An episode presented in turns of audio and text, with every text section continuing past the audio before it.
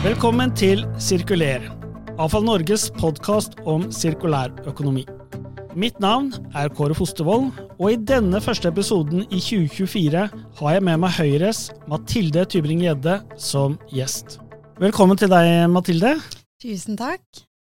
Det her er faktisk tredje gangen du er på besøk i podkasten vår. Jeg har tenkt det. Ja, Du er den gjesten vi har hatt oftest her, så det må vel si noe om eh, det du leverer til oss? Jeg håper det, da. Det er jo et kompliment å bli invitert på nytt. Ja, det å sitte i en komité, eh, kanskje forskjell på opposisjon og posisjon, da, men eh, da får man et fagområde. Eh, Mm. ganske stort også på energi og miljø, i hvert fall, som, eh, som så spenner vidt. Men blir man, en, blir man på en måte en komiténerd, altså en fagnerd som vi kaller det i bransjen? Ja, det varierer jo litt. Altså, det er jo Det starter jo alltid med, når Stortinget settes, at partiet Høyre har jo da noen, fast, noen plasser i hver komité. Og så må jo de få kabalen til å gå opp. Så det er jo partiledelsen som bare liksom begynner å dele ut folk på ulike komiteer, og da kan det være at du får en av dine tre ønsker som man har meldt inn. Eller så kan det være at du havner i en komité du kanskje ikke har meldt særlig interesse for. Um, og det er det mange som opplever. Da må du på en måte Du må jo bli god på det du jobber med, mest med. Uh, men så må man jo kanskje også, det er litt viktig, altså du kan ikke bli så fagnerd at du glemmer at du f.eks. representerer et fylke hvor det er også andre temaer som er viktig. Um, så jeg jobber mye med ansvar for natur og klima i Høyre, jeg jobber mye med det. Men jeg må i hvert fall være grundig og sette meg inn i energi også, og olje og gass. eh, Og prøve å holde tritt med de andre saksområdene også, for det er viktig for Oslo, som jeg er valgt inn fra. Ja, Men når, når dere kommer opp med saker om det, om det er påvirkning utenfra, eller om dere har kommet på det selv, eh, så er det jo ikke bare å legge fram en sak på Stortinget, et representantforslag. Eh, man må jo også overbevise sin egen partigruppe, kanskje. Mm, det må man. Eh, og hvordan foregår det? Da eh, jobber jo jeg da for eksempel, eh, sånn som jeg, jeg lagde et sånt Dogotte-forslag, som det heter, på sirkulær økonomi. Da jobbet jeg først med å få masse innspill og snakke med organisasjoner og lage et utkast. Så diskuteres det med de andre fra Høyre i min komité, og det er tre andre. Og så blir vi enige, og så sender vi det inn. Og da er det debatt i Høyres eh, gruppemøte. Og da er jo jo sakspapiret blitt sendt ut, og da kan jo alle ha en mening om alt som skjer i alles komiteer. Så da er det jo ja, noen som vil kommentere enkeltpunkter, eller ikke sant. Eh, ofte det som er vanskeligst å få gjennomslag for, er jo ting som koster penger. For da har du en, eh, også når man er i Stortinget og ikke regjering, så har du en finans, en slags finansdepartement eh, som vil påpeke at dette har vi ikke satt av penger til foreløpig, eller dette vil binde oss når vi lager vårt alternativbudsjett. Så det er jo da du må på en måte ta den kampen. Um, og så, hvis alt går gjennom, så fremmer man det på Stortinget, eh, på talerstolen dagen etter. Snakker man med noen av de andre opposisjonspartiene for å høre om de vil være med, eller er det litt viktig også å vise at man er en aktiv eh, partigruppe? Det varierer. Altså, ofte så er partiene som fremmer selv. Um, og da er det noen stortingsrepresentanter som fremmer representantforslaget. Um, mens andre ganger så kan det være du kan gå på tvers. Og vi, vi har gjort det nå, og vi kommer nok til å gjøre det litt mer også frem mot uh, stortingsvalget i 2025. At vi går sammen med Venstre, KrF, Frp om flere forslag. Også for å vise at vi kan bli enige om noen prosjekter. Da. Uh, det tror jeg er lurt, um, også for å få flertall. Mm. Eh, jeg vil lese opp et sitat for deg, som eh, jeg leste i Klassekampen i medio januar. Og Der sto det regjeringen har ikke en troverdig klimaplan, og mangelen på tiltak for å få til en sirkulærøkonomi gjør det enda mindre troverdig.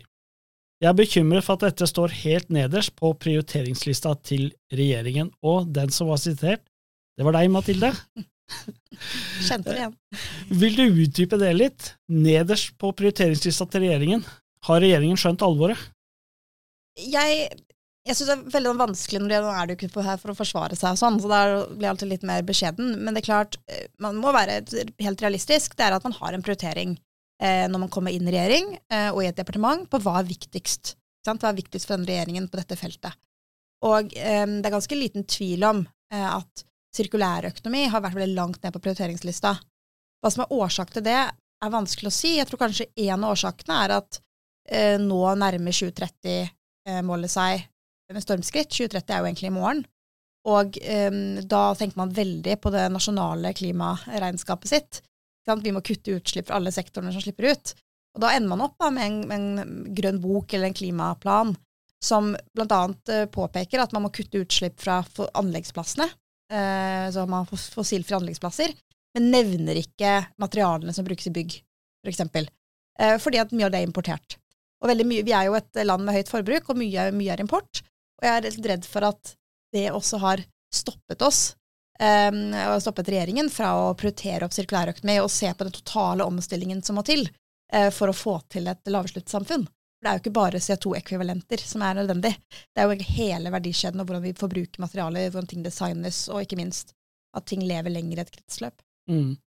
Men, men, det virker jo som om Stortinget er opptatt av det. for jeg, I forberedelse til denne podkasten leste jeg gjennom de forslagene som Høyre har fremmet. Eh, og det jeg legger merke til, er at veldig mange av forslagene nesten får flertall. Altså, det er tverrpolitisk enighet helt fra ute fra ytre rødside da, til kanskje ikke ytre blåside, men det er veldig mange som blir med på forslagene.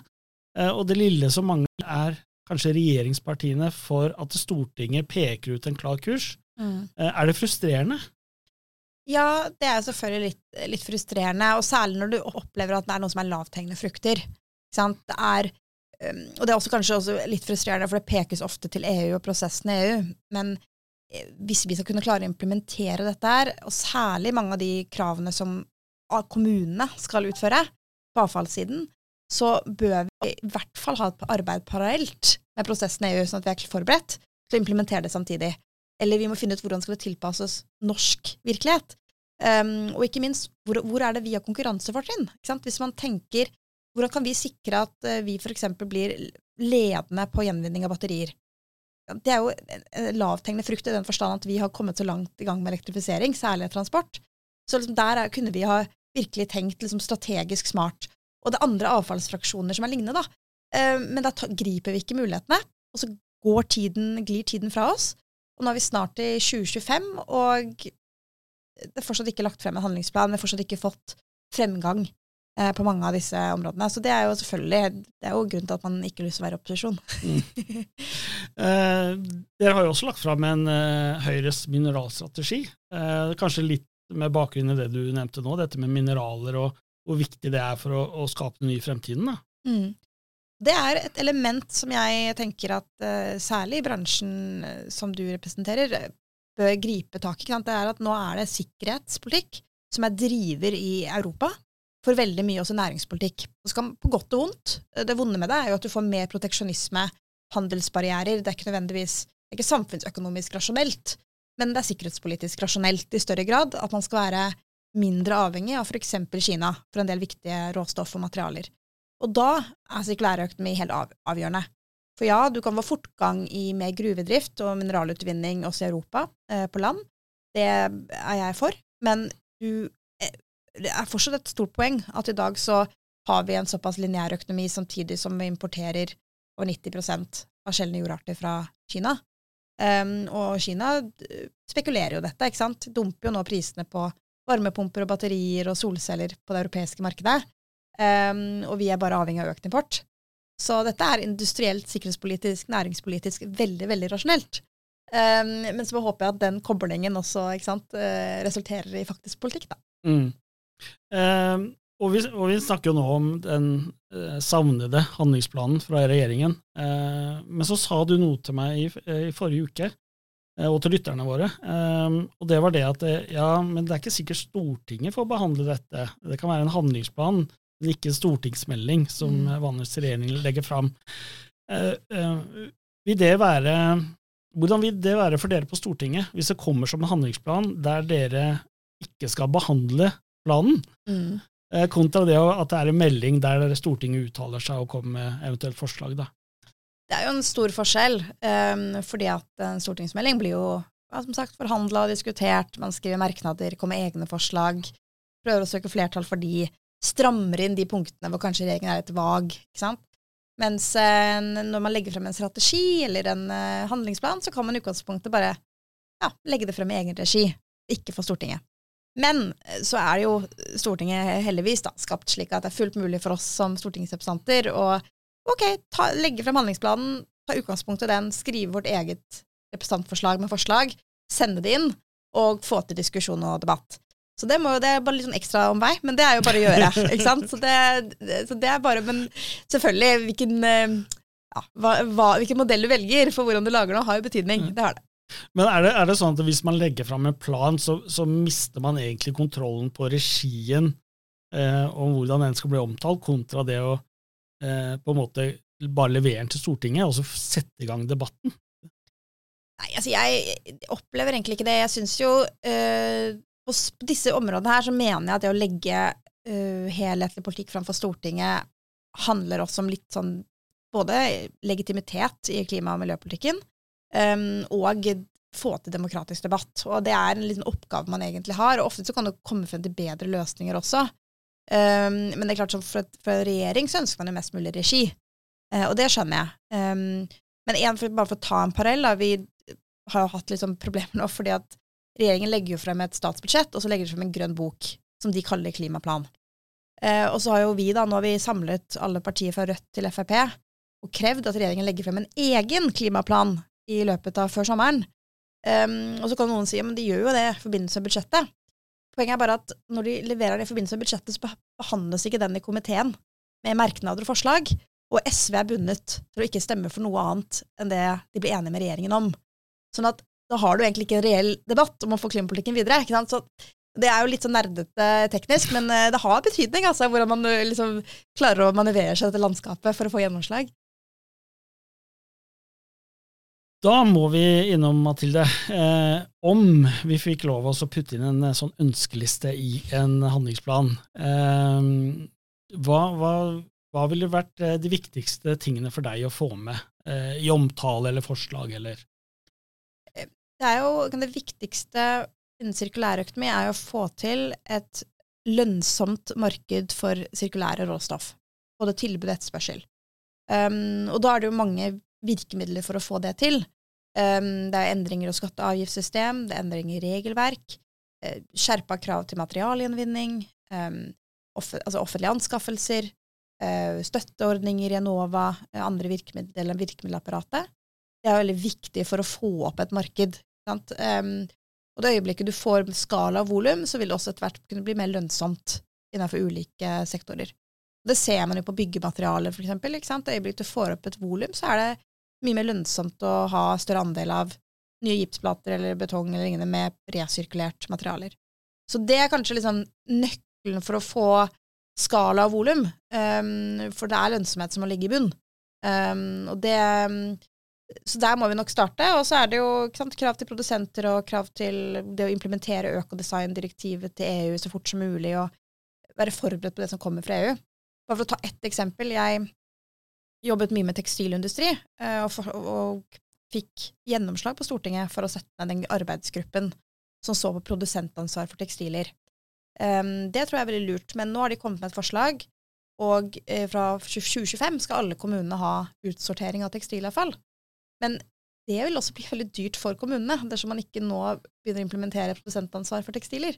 Så jeg vet ikke hvorfor det henger igjen, ikke sant? men noen av disse tiltakene må på plass da, for å få velfungerende ja, sirkulære verdikjeder. Mm. Og Det du nevner der, er jo et sånn lite sånn paradoks i EU også. ikke sant? At Dette kravet kommer jo fra EU om at man skal samle inn fra 2025.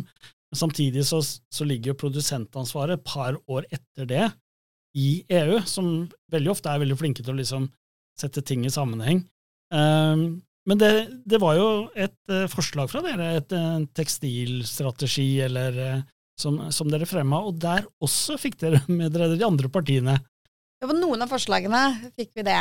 Uh, både arbeid, altså det å utrede produsentansvar, det er jeg veldig glad for å gjøre, for nå har vi klart hvordan det kan tilpasses Norge.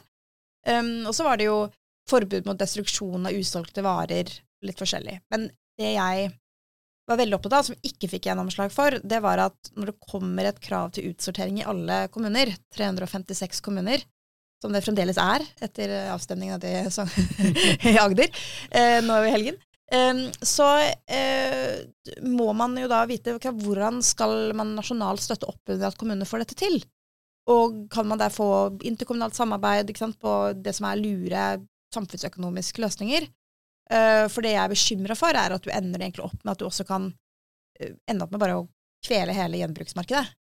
Fordi at nå blir jo alt kastet bare samme, alt blir utsortert som tekstilavfall. Og det er jo heller ikke bra. Uh, så, men der burde man jo igjen vært litt mer på, da, litt tidligere, slik at kommunene visste hva som kom. Mm.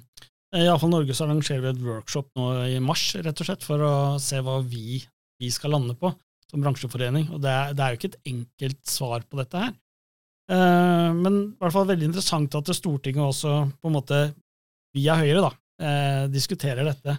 Eh, og byggenæringen også er jo en som du kjenner godt til. Mm. Eh, der er det jo det er jo også en bransje som etterlyser strengere krav, men så får de det ikke. Og det, mm. det virker litt sånn uh, motarbeidende politisk, syns jeg. Hva, hva, er årsaken til at, at politikerne ikke henger på bransjen når de ønsker strengere reguleringer? Jeg, jeg, tror det er to årsaker. Det ene er at man er alltid redd for at de som taler på vegne av bransjen, er de store aktørene, og ikke de små. Så man er redd for at stordriftsfordelene vil dominere. Og særlig hvis man innfører klimakrav og lignende. Og så er man jo redd for at det skal bli dyrere å bygge. Det er jo hovedgrunnen, altså hovedmotargumentene jeg møter når jeg uh, argumenterer for å fase inn klimakrav, er det.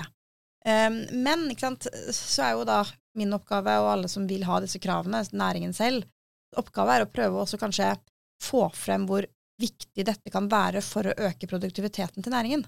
For dette er en næring som ikke, nesten ikke har hatt produktivitetsvekst på flere tiår, og som nå ligger, har, sliter veldig Um, jo, Vi har jo virkelig krise i byggenæringen nå. Og da er spørsmålet okay, hvordan kan man da utnytte uh, med, med, data, med digitalisering, med bedre logistikk, at man faktisk uh, sløser mindre, planlegger bedre, har materialer med mindre klimafotavtrykk. Uh, det første man gjør, er lavthengende frukt, er jo bare å bruke mindre materialer. Det er jo det første som skjer når man innfører klimakrav. Man ser at man har ganske mye sløsing. Og så lavkarbonbetong, og så, så er det, så er det listen nedover da, med med materialgrupper som ikke trenger å være dyrere, hvis du planlegger tidlig. Og eh, det er det jeg er opptatt av. Og eh, igjen, det kan være konkurransefortrinn for norske aktører, også norske byggevareprodusenter, å bygge klimavennlige bygg og levere klimavennlige materialer til et eh, europeisk marked som kommer til å etterspørre dette enda mer.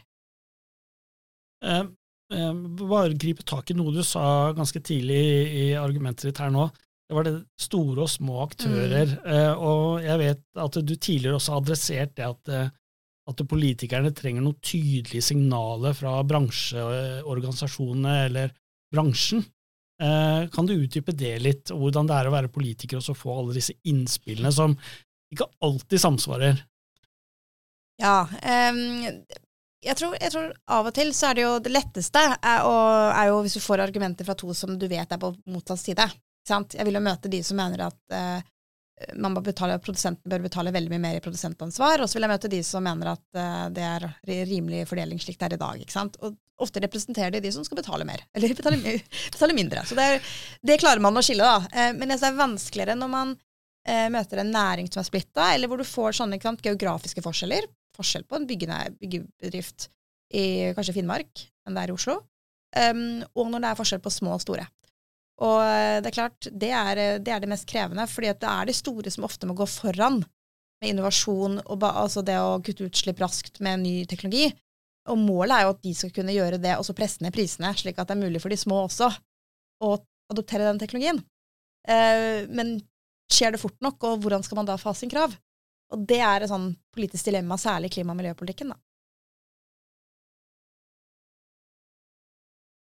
Vi må også eh, snakke litt om hva vi kan gjøre mens vi venter.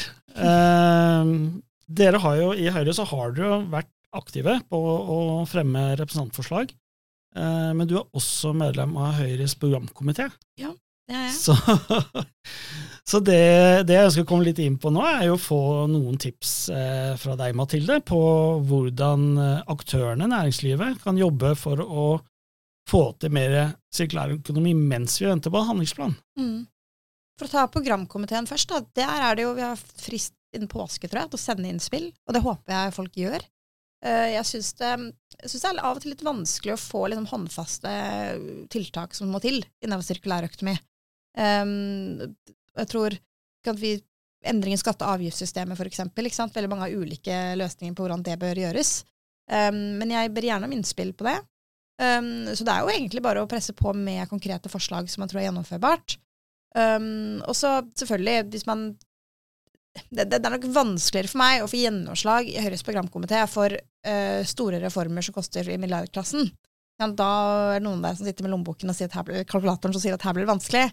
Men uh, jeg tror det er veldig mye som må til regulatorisk, som sagt skatte- og avgiftssystemet, um, og ikke minst å være allerede nå forberedt på det som kommer fra EU. Så jeg eh, tror det bare er å foreslå ting, fremme tiltak, og så skal jeg se hva jeg får, får til. Mm. Men er det, er det, sånn når man jobber med et nytt program, at det, at det, er lettere å foreslå noe som ligner det gamle, eh, kontra det å foreslå noe som kan virke radikalt, da, selv om det ikke har kroner og øre, men, men at det er litt Altså, vi må jo eh, Det er en radikal endring vi egentlig trenger i forhold til ja. lineærøkonomi når vi snakker om sirkulær. Altså vet jeg ikke hvordan det blir oppfatta, om det er radikalt eller ikke, men, men, men, det å komme med nye forslag eller ny politikk i programarbeidet, hvordan blir det tatt imot? Altså, det er interessant du sier, fordi at vi uh, mye av i programkomiteen så sitter vi nok ofte og ser på forrige, altså tiltakspunktene fra forrige program. Hva bør, hva bør komme videre, hva bør vi ta bort? Og så er spørsmålet liksom, hvor er det man oppdaterer? Og på dette feltet så er det og ikke jeg har sett det siste utkastet, men jeg vil anta at, programmet vårt allerede er ganske godt utdatert det som var fra 2021 til 2025. Så jeg tror nok der så vil nok jeg sitte der og bare sånn Oi, her må vi finne opp kruttet litt på nytt ikke sant, for å svare på de utfordringene vi har. Mens på andre politikkområder så er det sånn Ja, det vi gikk til valg på i 2021, det holder seg fremdeles. Vi har jo ikke fått mulighet til å gjennomføre det. ikke sant? Så, det, så, her er det litt ulikt, men på dette feltet så vil jeg si at eh, både, for, både liksom virkelighetsforståelse og at det er såpass tverrsektorielt altså Det er litt komplisert ord på at det, bare, det, det er relevant for så utrolig mange ulike næringer. sant? Det gjennomsyrer veldig mye forskjellig. Uh, og det må vi på et eller annet vis få frem i programmet, håper jeg, da. Mm. Vi har en uh, handlingsregel for uh, bruk av oljepenger. for at vi skal sikre verdier for kommende generasjoner, trenger vi, Mathilde, en handlingsregel for naturen? um, det er et godt spørsmål. Altså, vi har jo egne målsetninger, men så vil jo man stille spørsmålstegn hvor forpliktende de er. Men det er klart, vi har klimamål som skal være ramme for veldig mye av det vi gjør. Um, og Eh, naturen så er nok ut, mer utfordringen at det er litt vanskelig å kategorisere det. ikke sant? CO2-ekvivalenter er litt lettere å regne på enn naturverdier. Men uh, det er ingen tvil om at uh, nå er vi forplikta av den globale naturavtalen på både vern og bærekraftig forvaltning av areal og natur. Og um, i samarbeid og klimaavtalen med EU så har vi jo egne målsetninger på skog- og arealbruk. Så vi er jo egentlig netto null da vil vi forplikte oss til. Det er en del som ikke har fått med seg, men det er rett og slett at hvis vi bygger ned noe, så må vi kompensere på et vis. Så det er jo en ganske stor uh, forpliktelse for arealbruken. Um, og det er krevende i Norge, som har mye av arealforvaltningen desentralisert hos kommunene.